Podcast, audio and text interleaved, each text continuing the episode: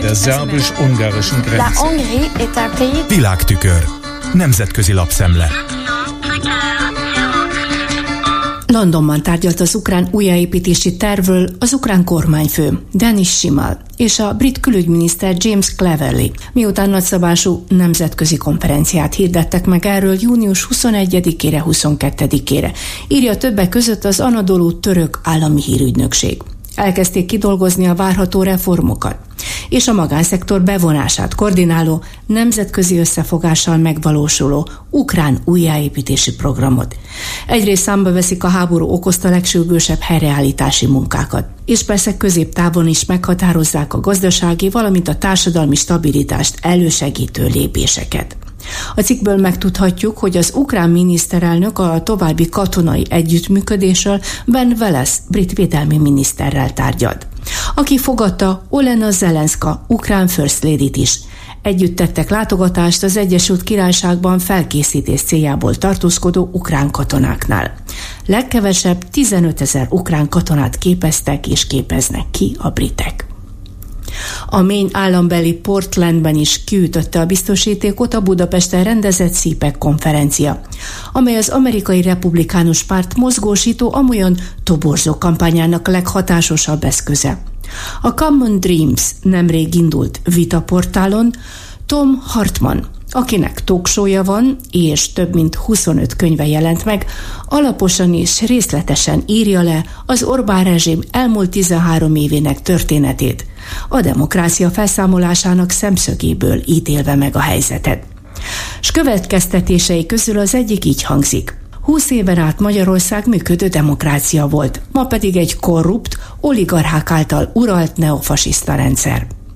Európában egyelőre ezt még csak soft fasizmusnak hívják, írja a szerző. És természetesen Bajer Zsolt mondatait is idézi mindezek kapcsán. A folyamat önmagában is rettenetes, de ami még elrettentőbb, hogy a republikánus párt Trumpal az élen épp ugyanilyen országot akar teremteni Amerikában. Nos, aki látni akarja, hogy néz ki belülről ez a rendszer, annak jó lecke lehetett a mostani szípek konferencia, de mindenképpen látogasson el Magyarországra, hogy megértse, miről is van szó. Mert ma erre hajaz a Grand Old Party, azaz a nagy régi amerikai republikánus párt. Éles kritikával illeti a Tagesschau is a SZIPEK konferenciát. Kipécézve a Német Alkotmányvédelmi Intézet volt elnökét, Hans-Georg Massent, aki egyedüliként szólalt fel németül. A cikk szerzője szerint felült, mi több, terjesztette is Budapesten a legváltozatosabb konspirációs teóriákat.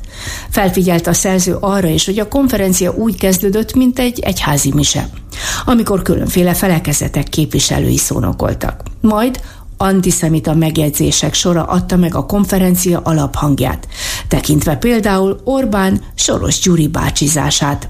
Felfigyelt arra is, hogy nem csak a nekik nem tetsző újságírókat, de a nekik nem tetsző érdeklődőket is távol tartották a szervezők a rendezvénytől. Bezzeg a német szélsőjobbos újságírók szívesen látott vendégek voltak. A Robert Lansing Institute honlapján megjelent elemzés szerint Franciaország és Magyarország kitartó lobbyának, illetve tiltakozásának betudhatóan az Európai Bizottság leveszi a Rosszatomot a tervezett 11. szankciós csomag listájáról. Miközben az írás rögtön figyelmeztet arra is, hogy korábbi tanulmányuk kimutatta, hogy a Rosszatom az orosz nukleáris katonai programban vesz részt. A Le Figaro márciusban publikált cikke megállapította, hogy a francia atomipar teljes orosz kontroll alatt van. Az Elizé palota ezt persze tagadja. Sőt, a Le Figaro azt is megírta, hogy 2022-ben a Franciaországba szállított dúsított uránium mennyisége megtriplázódott, ami Moszkvának 359 millió euró bevételt jelentett. A Greenpeace szerint a Rosatom a maga 9 milliárd dollárnyi profitjával az Ukrajna elleni háború egyik finanszírozója is. Ezért mindenképpen szankcionálni szükséges. A Rosatom Párizsi központja a Framatom mellett alközpontokat hozott létre Németországban, Belgiumban, Hollandiában, Svájcban, Olaszországban, Spanyolországban, Portugáliában, Ausztriában, Svédországban, Norvégiában és Finnországban. Emellett pedig szintén a Rosszatom látja el fűtőanyaggal Magyarországot, Bulgáriát, Csehországot és Szlovákiát. Tehát, állapítja meg a tanulmány, a NATO szövetségesek tulajdonképpen hozzájárulnak Moszkva atomhatalmi törekvéseihez, és ezzel a háborús képezet működéséhez is. Magyarországról megjegyzi, kétségem felüli, hogy a paksi bővítés korrupción alapuló biznisz. Az északi áramlat elleni szabotás, a Lensing intézet szerint szintén vitán felül az oroszok akciója volt, és ugyanilyen vagy hasonló moszkvai szabotás akciókat az atomerőművek ellen sem lehet kizárni a jövőben.